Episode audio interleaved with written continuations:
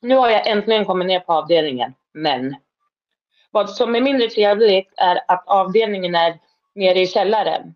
Ombyggda isoleringsceller med tre tjejer i varje cell. Inga fönster finns det heller. Det suger av, det är det inget tvivel om. Sorry att jag skriver på så fattigt papper, men jag inlåst kvällen, natten. Eh, sen är det ännu mer tråkigt att det inte finns något motionsrum. Vi är 16 stycken på 60 kvadrat. Vet, in, vet inte riktigt hur kriminalvården tänkte eller om de tänkte alls. Eh, du, jag skickar med en samtyckesblankett som du måste fylla i med Lars namn eftersom abonnemanget står på Lars misstänker jag. Du skriver i samma telefonnummer, alltså ditt nummer, men Lars uppgifter. Annars går det inte igenom. Sedan skickar du tillbaka det.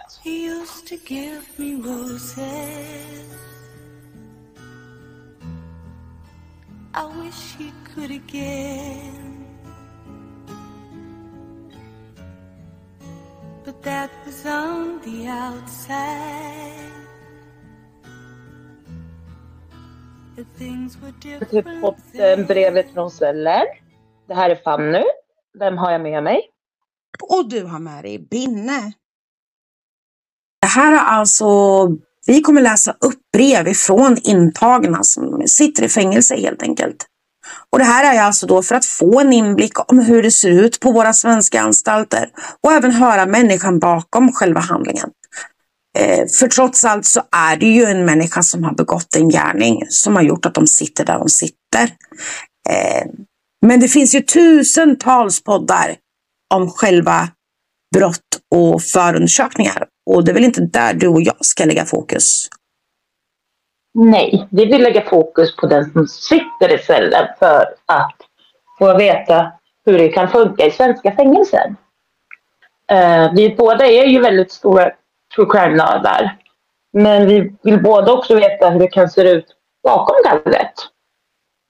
Hur en dag kanske ser ut, vad personen har för, vad ska man säga, rutiner. Hur den mår. Men eh, bara för att vi gör den här podden så betyder det inte att vi står bakom brottet eller gärningen som personen har gjort.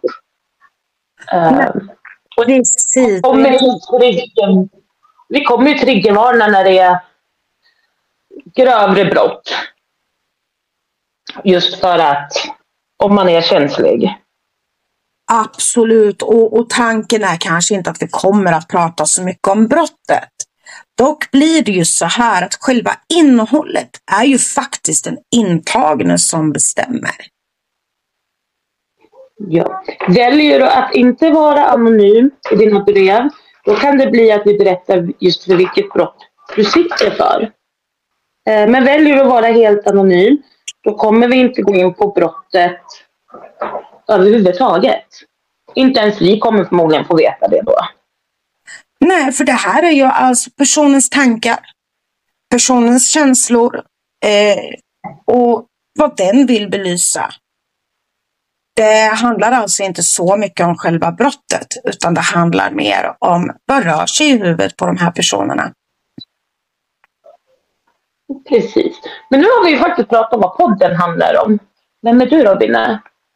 Ja, jag är en tonårsmamma på 42 år. Jag närmar mig 43-årsskylten väldigt snabbt. Eh, lite åldersnoja kanske. Jag bor i Norrköping. Jag är gift sedan åtta år tillbaka. Eh, så det är väl vem jag är kort och gott. Vem är du då Fanny? Jag är en 36-årig tvåbarnsmamma som jämt och ständigt är trött. Jag har två små barn. Jag bor uppe i Sundsvall. Uh, just nu är jag föräldraledig. Så ja, det var lite kort och gott om mig. Men um, vad jag tror om att köra igång. Det är jag som ska läsa första brevet. Ja, men så är ju tanken. Men du, vi kanske ska berätta om hur du och jag lärde känna varandra. Ja, ska du ta den? Ja, men det kan jag göra. Eh, alla har vi hört talas om den magiska TikTok.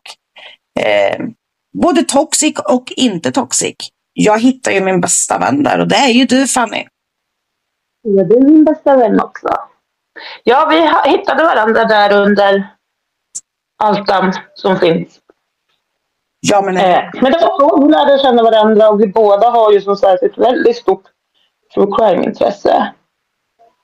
Ja, det har ju fört oss samman tänker jag. Ja. Uh, ja, men vad säger du? Ska vi sätta igång? Ni har ju fått höra lite av brevet, så ni kanske vill höra fortsättningen? Ja, men eller hur? Ska du köra Fanny? Ja, jag kör.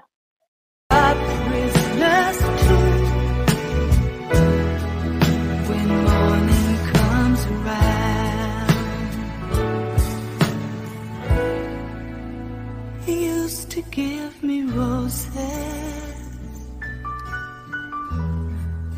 I wish he could again. But that was on the outside.